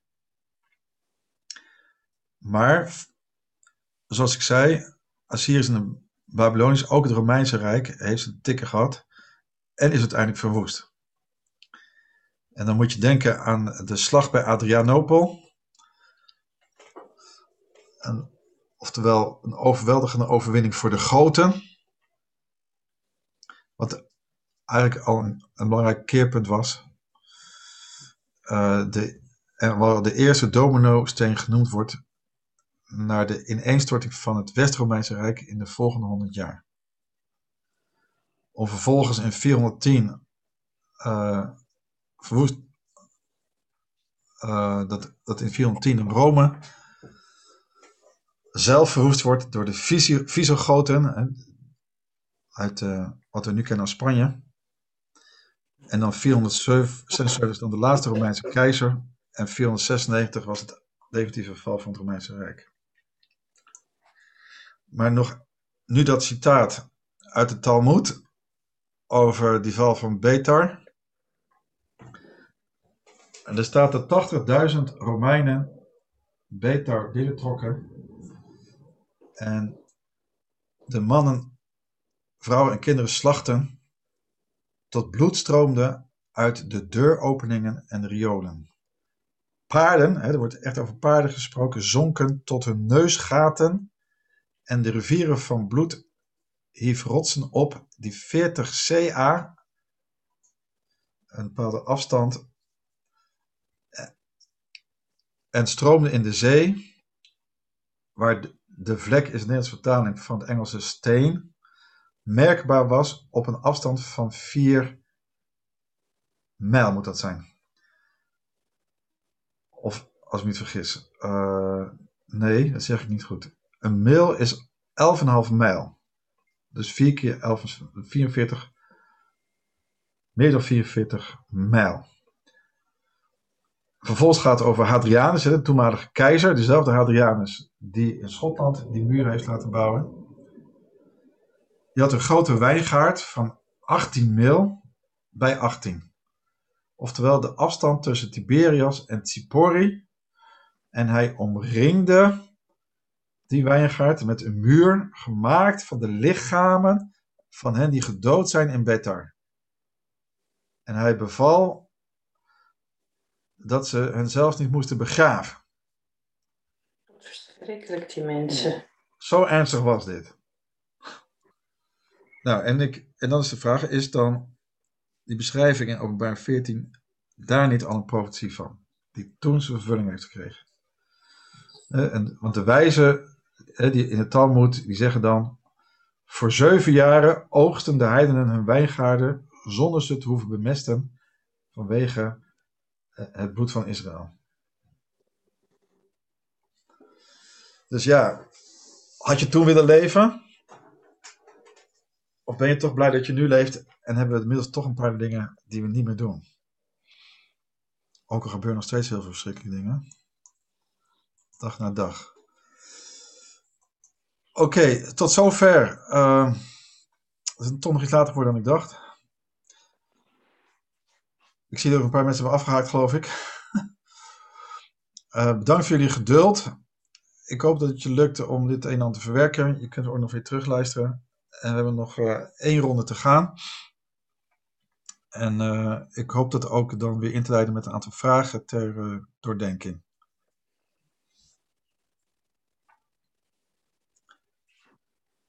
En dan uh, ja, zeg ik toch nog een uh, dankgebed uit. Vader, ik wil u deze avond beëindigen uh, door terug te koppelen naar uzelf. Heer, u die waakt over uw woord en doet wat het zegt. En wij die staan en lezen en zoeken naar de duiding daarvan. In de besef je dat we al wel twee millennia verder zijn en er inmiddels heel veel gebeurd is. En ondertussen ook natuurlijk wel in deze tijd leven en vragen wat u nu aan het doen bent en hoe daarin te staan. Help ons daarin de lessen te leren uit het verleden, onze tijd te verstaan, zoekende naar uw koninkrijk en zien hoe u regeert om uw hand in alles te zien en ook onze eigen verantwoordelijkheid te kennen en te pakken. Ter wille van hetzelfde koninkrijk waarvan u heeft gezegd om dat eerst te zoeken en dienstgerechtigheid. Hier komt tot uw doel met ieder van ons. Geef ieder een goede nachtrust en zegen voor ieder op zijn of haar plek. Amen.